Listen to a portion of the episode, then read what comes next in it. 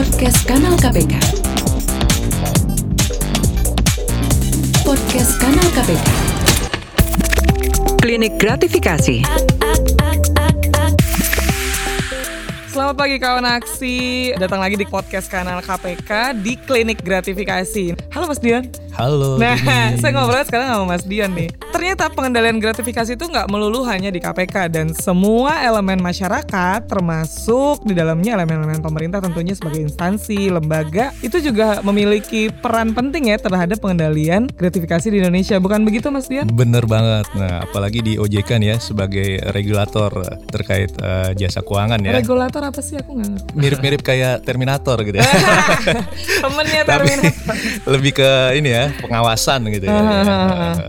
Gitu. Ini sudah kedatangan siapa kita Mbak Dini? Sudah kedatangan Ibu Siswani Wisudati dari OJK sebagai Kepala Grup Penanganan Anti Fraud di Otoritas Jasa Keuangan. Aku panggilnya apa nih Bu? Panggil aja Bu Dati. Bu Dati, selamat pagi Bu Dati. Dan di sini juga udah ada Pak Syarif, Direktur Gratifikasi di KPK.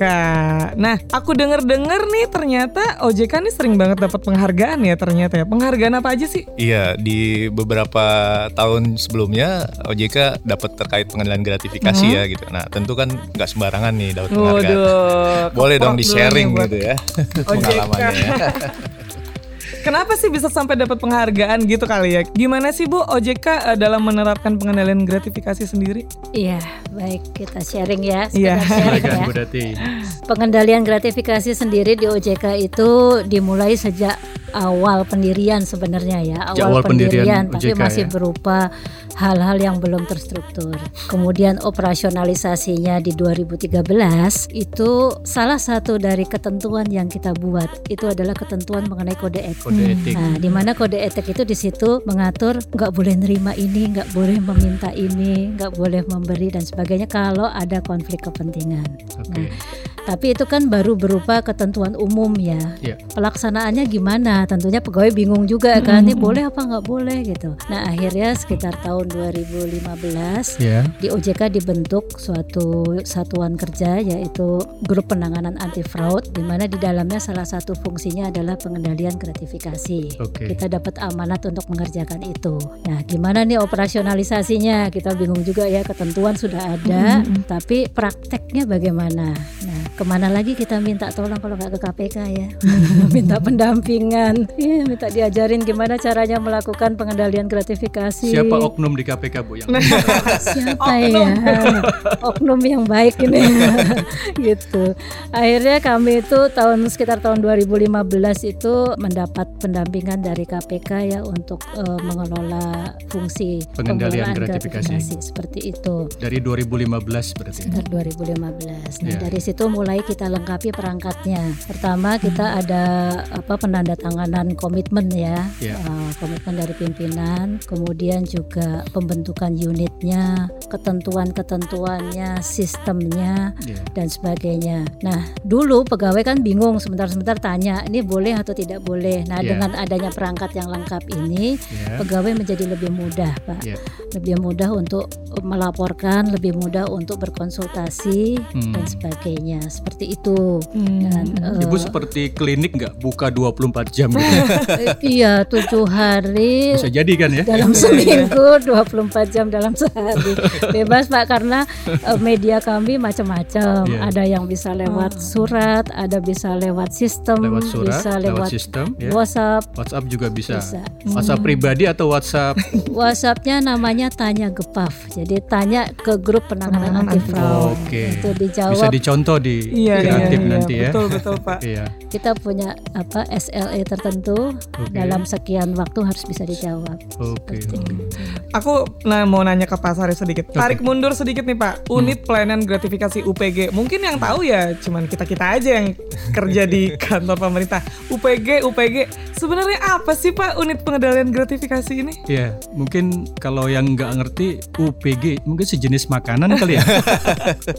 Eh, UPG itu adalah salah satu instrumen yang yang dibentuk oleh KPK untuk mewadahi bagaimana seluruh KLOP yang ada di Indonesia. Sebagai informasi Mbak Dati, sampai saat ini kami menangani 795 KLOP yang ada di seluruh Indonesia, yaitu ada dari kementerian, BUMN, Pemda, ya, baik provinsi, kabupaten, kota itu ada semuanya 795. Dari 795 sampai hari ini yang sudah terbentuk UPG-nya dan lapor ke kami itu ada 509. Hmm. Waktu saya masuk di Direktorat Gratifikasi baru 300-an ya. Wah. 509 tapi masih PR-nya masih banyak. Iya iya iya. Karena yang terjadi kalau OJK nggak usah dibilang lah, ya kan?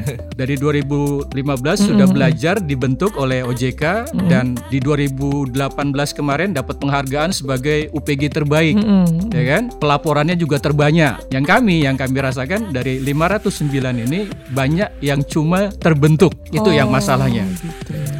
Cuma dibentuk Tidak dijalankan tapi gitu ya, tidak Pak? dijalankan. Hmm. Secara aturan mereka memenuhi semua yang tadi Mbak Dati bilang. Mereka buat komitmen, ya kan? Pimpinan lembaganya membuat komitmen, tanda tangan, ya kan? Mereka buat aturannya, ada strukturnya, ya, ada SDM-nya di sana. Tapi setelah itu semua terbentuk, tidak ada kegiatan sama sekali. Padahal unit pengendali gratifikasi yang ada di KLOP itu itu punya kewajiban kepada KPK untuk apa? Untuk melaporkan, ya kan? Apa sih kegiatan UPG di mereka? Nah, ada satu hal lagi yang kami berkoordinasi Bu Dati dengan Kemenpan RB karena pembentukan UPG ini salah satu sebagai syarat buat KLOP mendapatkan nilai untuk apa Mas Dion WBK Iya. atau Eh, bukan apa istilahnya? ZIWBK, Pak. Ya, Zona istilahnya apa? integritas ya.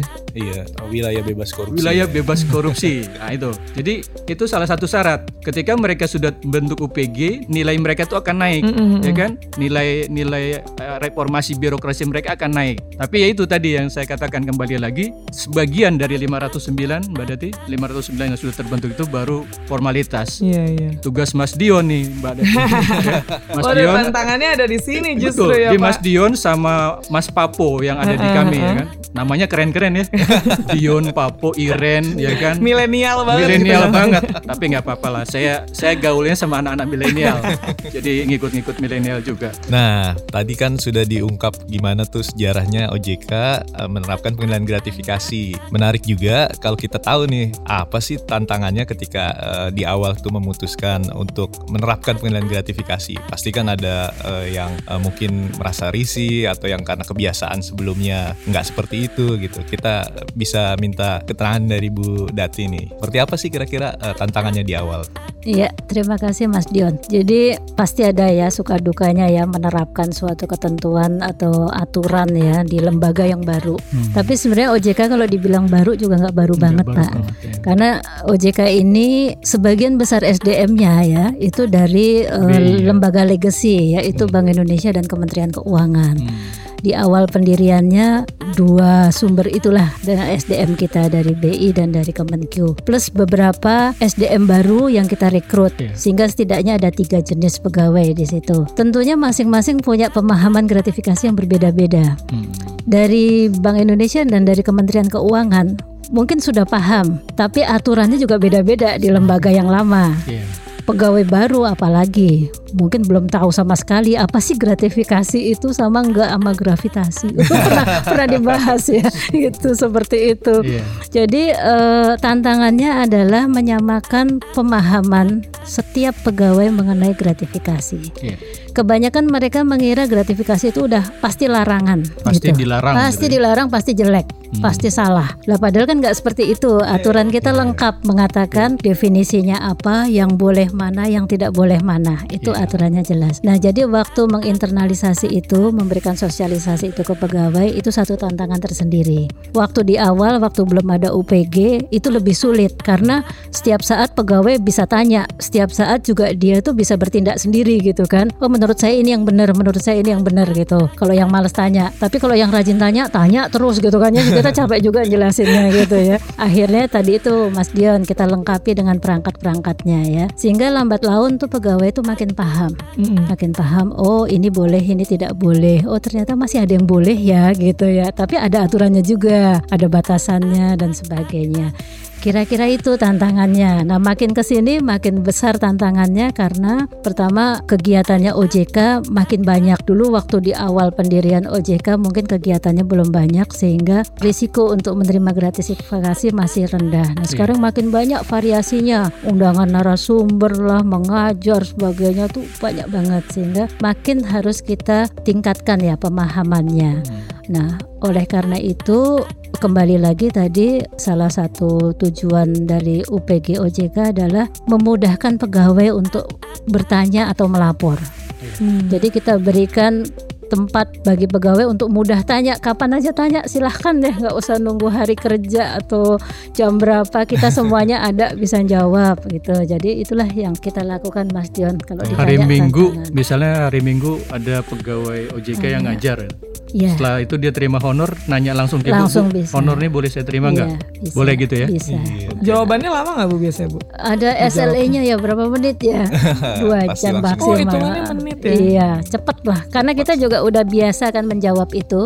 Sudah ada bank pertanyaan dan jawaban, sehingga PIC PIC yang bertugas untuk menjawab eh, WA atau telepon itu sudah terbiasa juga. Punya sense-nya ini boleh nih nggak boleh, ini boleh nih Iya nggak iya boleh. iya. gitu. Kuncinya tadi saling memahami dulu, baru seiring sejalan. Iya, Asik. kayak apa ya? Jadi pada jadi nggak usah takut lapor ya bu ya karena jawabannya juga cepet gitu cepet sebenarnya. iya betul. Nah Biasanya gini, Mbak Dini. ya gimana pak? Orang itu ketika nerima sesuatu, Mhm. itu dia dua hal yang berkecamuk di hatinya. Iya. itu. Ya kan? Heeh. Ini boleh nggak ya saya manfaatin sendiri Mhm. atau ah nggak boleh kayaknya gitu loh. Jadi situ tuh yang bermain. Iya, iya. Nah, fungsi UPG itu memberi pemahaman gitu loh. Ketika dia belum paham, biasanya yang terjadi itu boleh nggak ya? saya- Ragu, ragu ya pak ya. Nah, fungsi UPG, fungsi kami di Direktorat Gratifikasi memberikan pemahaman kepada masyarakat. UPG itu buat kami itu kepanjangan tangan. Mbak Dini bisa bisa bayangkan kalau 795 Iya, harus iya. kami yang Iya. yang tangani Waduh sendiri. serem juga Serem ya. kan? Iya, Apalagi iya, masa iya. Covid seperti sekarang ini. ya. Jadi seperti itu. Karena tadi Pak Sarif lagi bahas Iya. masa pandemi. Kalau di OJK kalau lagi pandemi seperti ini gimana bu ngelaporinnya? Ya, kemarin kita ngalami ya, kami di OJK tiga bulan hampir 100 hari itu kami di rumah ya, Hmm. bekerja dari rumah. Eh, blessingnya adalah kegiatannya terbatas ya, terbatas tuh nggak banyak pertemuan tatap muka, mengajar dan sebagainya, sehingga kayaknya memang gratifikasinya juga agak rendah, Hmm, agak hmm, turun. Saya punya data nih. Oh, ada Ya, Pak? Sampai gimana, dengan hari ini Heeh. eh, untuk 2020 laporan yang masuk dari OJK itu ada 86 laporan. 86. Sampai dengan hari ini ya. Oh, iya. Dari sepanjang 2020. Januari berarti ya, Pak dari Januari. Januari sampai dengan Juli ya itu ada 86 laporan yang nilainya 146 juta. Waduh. Dari 1082 laporan yang sudah masuk ke kami, Bu. Sumbangan dari OJK ada 86. Biasanya OJK setiap tahun sumbangan tidak hanya jumlah laporan tapi Nilai. nilainya. Ini saya bacakan aja sebagai tambahan. Iya, Di iya. tahun 2019 ada 313 laporan dari OJK, nilainya 745 juta. Wow. Di tahun 2018 ada 213 laporan, nilainya nggak besar tuh Bu. Saya juga nggak tahu kenapa. 97 juta. Nah ini yang fantastis 2017 2016 harapan saya nanti di 2020 2021 seperti ini nih Bu. Iya. Karena apa? Laporannya di tahun 2017 ada 199 tapi nilainya 1,2 M. Wow. Ya, 1,2 M. 1,2 miliar ya Pak? Iya. Ya. Dari Iya. di tahun 2016 yang terakhir kami catat itu ada 176 laporan nilainya sama 1 miliar 278 juta. Iya, iya. Makanya wajar OJK diganjar gitu Iya. kan, diganjar sebagai unit pengendali gratifikasi terbaik, Terbaik. di tahun 2018. 2019 kemarin kita tidak memberikan itu. Itu sebagai informasi Iya, tambahan. terima kasih Aduh, Pak memang Sarif. terbukti eh, OJK ternyata best practice banget ya. Iya. Kita nggak salah undang narasumber lah ya pokoknya ya. Nah kalau misalnya gratifikasi itu sendiri, memang kan ini ya Pak, ada yang ditetapkan sebagai milik Milik negara atau yang yang- dikembalikan Di- ditetapkan sebagai milik pelapor istilahnya. pelapor, Ah, Iya. atau dikembalikan eh sorry dikembalikan ke pelapor atau ditetapkan sebagai milik negara atau gimana sih Pak? Dua, Ah, ah. ya kan? Eh, yang pertama saya, saya contohkan misalnya dari 1082 yang sudah masuk kemarin atau tahun 2019 lah. Mm, Di tahun 2019 itu ada hampir 2.500 laporan. mm, Itu dibagi dua. Yang satunya yang 1057 itu itu bentuknya bukan SK, Mbak. mm. Bentuknya surat apresiasi namanya. Jadi kalau surat apresiasi itu tidak berbentuk SK, tapi kita nyatakan terima kasih Karena penghargaan kita. Mereka sudah lapor, Oh, terima kasih laporan Anda kami terima dan ini Hmm. apa biasanya berupa makanan kalau berupa makanan itu atau alat-alat yang biasa ketika kita ikut seminar gitu kan ya Mas Dion ya Iya betul. kita ikut seminar, kita Seminar. ikut acara-acara ilmiah gitu, kita dapatkan itu hadiah-hadiah seperti itu, itu biasa surat apresiasi. Nah, dari 2.500-an itu, ya, 2.500 laporan yang masuk ke kami, hampir 1.000 Bu yang tidak kami SK-kan. Sisanya kami SK-kan. SK-nya ini yang tadi Mbak Dini tanya, SK-nya itu yang satu menjadi milik negara, istilahnya itu, menjadi milik negara, yang satunya lagi itu menjadi milik pelapor. Jadi dua. alias dikembalikan. Ya, eh, macam-macam Ah. Menjadi milik pelapor. Ada juga terkadang satu lagi kita tetapkan menjadi milik instansi, Hmm. ya. Jadi tidak melulu misalnya Mbak Dini lapor, yang Mbak Dini dapat apa misalnya satu tas yang nilainya mungkin 500 ribu itu ketika dianalisa oleh teman-teman Mas Dion akan dilihat ini kaitannya ada nggak dengan tugas Mbak Dini kalau tidak misalnya dan ternyata itu tas itu diterima sama semua yang ikut di acara itu terima tas yang sama gitu Mm, mm, mm. tapi ketika karena nilainya lumayan besar, itu teman-teman bisa saja teman-teman di Gratis itu menyatakan tidak menjadi milik negara, tidak juga menjadi milik pelapor, Hmm. tapi disampaikan menjadi milik instansi, untuk di-display biasanya. Hmm. Kan banyak di OJK mungkin banyak Iya, ya iya, Mbak iya. Dati ya. betul. Display barang-barang gratifikasi itu. Jadi seperti itu. Iya iya Nah, ini menarik paham nih Mbak Dini. Mm-mm. Tadi ada ditetapkan menjadi milik instansi atau dikelola instansi gitu ya. Nah, gimana sih kalau di OJK itu mengelola barang-barang gratifikasi yang eh, ditetapkan untuk dikelola instansi? Hmm. Kira-kira apakah eh, untuk apa gitu atau seperti apa kita bisa Apa gali informasinya? display seperti yang tadi Mas Syarif ungkapkan? Iya, Hmm. ada ber- berarti ini ada dua jenis sih Mas Dion sebenarnya ya. Jadi dikelola oleh instansi tadi di, di kami itu ada dua yaitu dikelola oleh satuan kerja pelapor ya. Itu Mhm. Biasanya berupa plakat dan Oke. sebagainya, Mhm. cindera mata yang berupa plakat. Kemudian yang satunya lagi dikelola oleh oleh UPG. UPG. Yang UPG ini biasanya yang berupa barang-barang, kan nggak bisa dimiliki oleh pelapor ya, Iya. sehingga dikelola oleh UPG. Nah, di yang dikelola oleh UPG ini kami display pak, kami Display, display, ya. sepanjang memang bisa di display ya, karena Iya. juga karena keterbatasan ruangan Iya. hanya bisa beberapa yang kami display. Nah ini masalah juga nih karena jumlahnya makin banyak, makin banyak. Bagusnya sih punya museum ya, gitu. gitu. Tadi udah sisi perhiasan barang-barang Ah, berharga ah, gitu. ah, Iya. Nah, kalau uang nih, gimana kalau di OJK tadi kan ada kegiatan mengajar, Iya. kegiatan lain-lain, kan pasti ada honorarium ya. Nah, kadang-kadang pemberinya ini kan ada konflik kepentingan juga dengan OJK.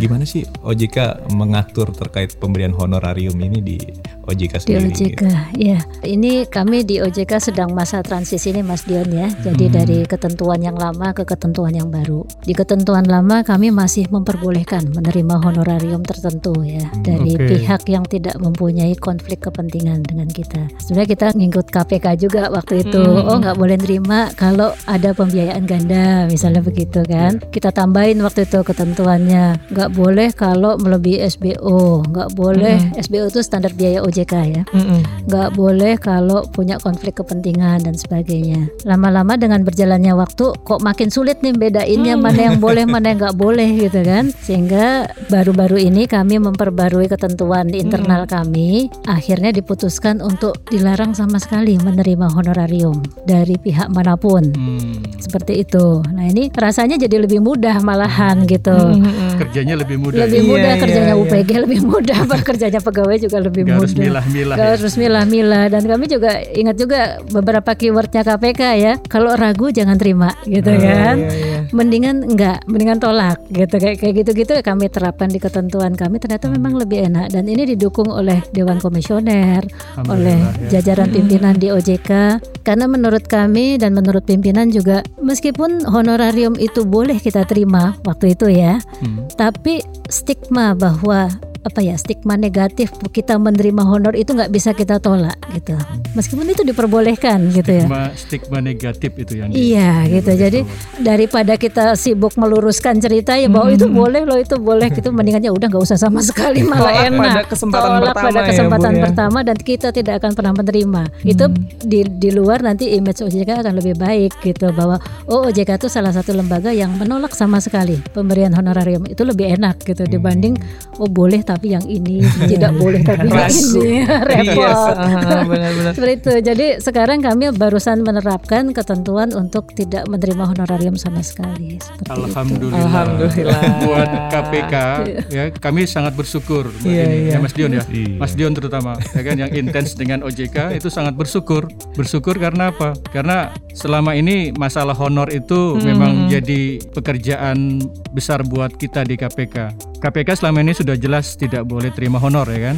Sebagai informasi Mbak Dini, Mas Dion dan Mbak Dati, dalam prakteknya itu ketika aturan tentang honor ini kita serahkan kepada KLOP tadi ya yang 795 ketika mereka bentuk UPG kan mereka eh, buat aturan. Itu masing-masing punya standar honor sendiri. Terutama saya contohkan tadi bicara sama Mbak Dati bank-bank BUMN. Standar kalau bicara di Bank Mandiri itu itu beda. Jadi pembicara misalnya di Bank BTN, di BRI atau BNI itu beda-beda. Iya iya iya. Makanya kalau kalau kami target pertama nih kalau yang bank-bank itu pengennya nih terkait honor mereka tuh samakan dong kalau mau Iya, ya iya, kan. Pak ya. heeh.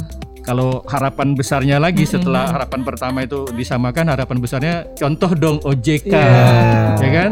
Contoh OJK ya kan bahwa untuk menghapuskan menghilangkan orang orang nanam pamrih ke kita itu kan itu setidaknya tanpa kita sadari orang nanam pamrih itu ya kan gratifikasi itu seperti itu, orang nanam pamrih atau suatu hari nanti akan muncul yang namanya coy Mas Dion ya Iya. coy apa. Mas Dion Konflik. Conflict of interest. Oh konflik of Kayak saya interest kayak lagi ujian negara nih. jadi seperti itu interest. ya Aduh saya suka banget tuh bahasa Pak Syarif barusan menanam pamrih. Memang Oke. kalau gratifikasi tadi tegas ya, tolak gratifikasi. gitu Tolak ya. pada kesempatan pertama Tolak. ya. Betul untuk Indonesia bersih dari korupsi. Asik. Oke, eh, ini kebetulan pertanyaan terakhir tapi aku minta closing statement aja dari Bu Dati dan Pak Syarif tentang topik kita hari ini Bu. Gimana Bu? Iya, jadi ini topik yang sangat penting dan menarik sekali menurut saya ya. Topik mengenai gratifikasi ini bahkan nggak bisa berhenti sampai di sini. Harus terus kita bahas ya, karena kita tetap akan bertemu dengan generasi muda yang baru-baru yang mungkin belum ngerti ya, belum ngerti gratifikasi itu apa. Satu, kemudian kita kita yang sudah ngerti bisa saja lupa ya, bisa Iya. saja lemah apa lengah dan sebagainya. Kemudian juga bentuk gratifikasi itu makin beragam sekarang. Sehingga kita perlu selalu diupdate, diingatkan kepada prinsip dasarnya. Prinsip dasar mengapa gratifikasi yang dilarang itu tidak boleh gitu loh. Hmm, Mengapa dilarang? Mengapa gitu ya, dilarang seperti itu kan? Itu kembalikan ke prinsipnya. Kalau sudah ke prinsipnya dapat, yaitu tadi supaya tidak ada konflik kepentingan ya dengan eh, pihak tertentu dan sebagainya, mengganggu profesionalisme kita bekerja, eh, mengganggu segala-galanya, merugikan negara di ujung-ujungnya kan ya. Karena kan tuh uang siapa sih sebenarnya kan nggak mungkin uang pribadi kita menggratifikasi orang ya. Itu pasti eh, ada ada unsur biaya di situ. Nah, sehingga ini diskusi dan pengingat yang tidak boleh berhenti sampai di sini harus terus-menerus secara berkala kita ingatkan seperti itu menurut saya. Jadi saya apresiasi sekali acara ini ya karena eh, ya ini dengan dengan cara yang sangat fun kita bisa ingat lagi apa tuh gratifikasi gitu. Itu dari saya, Mbak. Tapi aku jadi penasaran nih, barang paling aneh apa sih Bu yang pernah dilaporin gratifikasi? Kalau tadi kan eh, dari Sarif Iya. kita udah cukup tercengang tuh dengan si 109 miliar itu. Kalau di OJK apa sih Di Bu yang paling nggak usah paling aneh deh, paling menarik menurut Apa versi Bu ya? Dati? Macem-macem sih ada Atau yang paling eh, terkenang, terngiang-ngiang nih sampai Eh, sekarang. apa ya banyak kebanyakan cindera mata Hmm. dari apa souvenir dari daerah ya kadang ya nggak nggak ngira-ngira sih bentuknya bisa baju ya bisa kain bisa yang nggak paling- eh, paling eh, diduga ya, bisa Bu, ya? nggak diduga kadang-kadang sekarang model juga ya sebenarnya plakat biasa ya Ah, ah, ah. tapi ada emasnya gitu loh jadi Uh. ini plakat nih kayaknya udah Emas mulai lagi mahal lagi. plakat tapi ditempelin emas gitu sehingga Hmm. kita harus jeli juga ini kayaknya plakat tapi sebenarnya enggak gitu jadi harus macam-macam sih mbak Iya iya, tapi itu lumayan ini ya plakat tapi dari emas.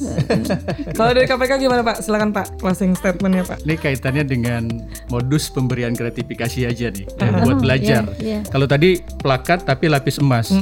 Banyak mohon maaf beberapa instansi itu memberikan uh, souvenir ya ketika selesai acara pakai kotak, Mbak. Di kotaknya itu tertulis misalnya nih Bank X gitu kan. Mm. Tapi ternyata di dalamnya yang isinya apa? Di dalamnya isinya pulpen Mont Blanc. Nah, saya bilang sama biasa kalau saya kasih sosialisasi, oke, Bapak dan Ibu sekalian, sesuai aturan gratifikasi, ya kan?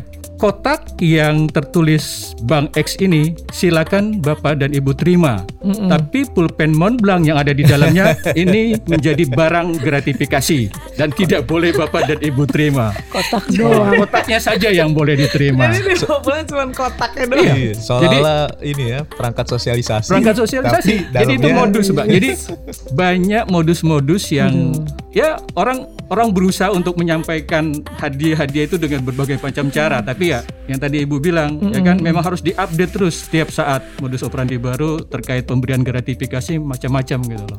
Ya jadi seperti itu. Iya, Tapi satu yang tadi kalau ditanya apa sih barang yang unik gitu kan?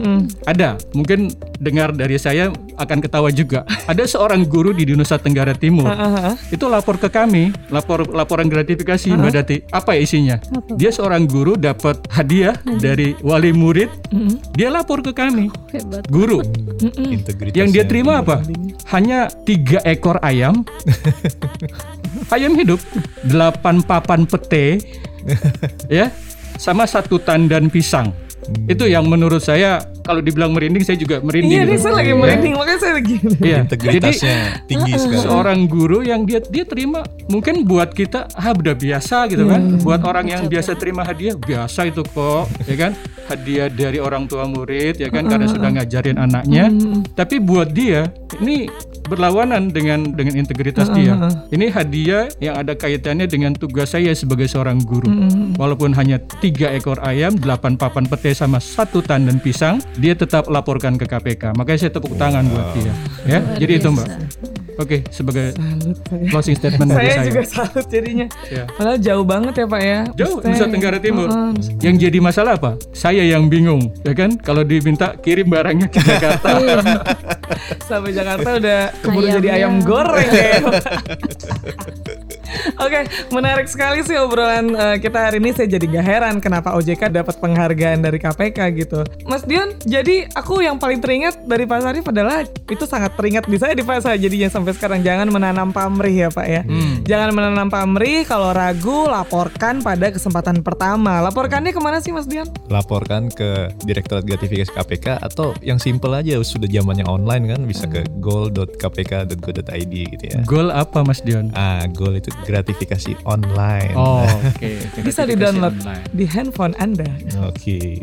Oke, terima kasih Pak Sarif, terima kasih Mbak Bu Dati atas Terima waktunya, terima kasih untuk udah ngobrol-ngobrol hari ini. Makasih ya Bu Doti. terima kasih Pak Sarif Terima kasih. Terima kasih kasih, kawan aksi yang sudah mendengarkan podcast kanal KPK kali ini Klinik Gratifikasi bersama OJK. Topik-topik tentang gratifikasi lainnya bisa kawan aksi dengarkan di program-program podcast kanal KPK lainnya. Saya Dini pamit, Saya Dion, sampai jumpa. sampai jumpa. Salam anti korupsi.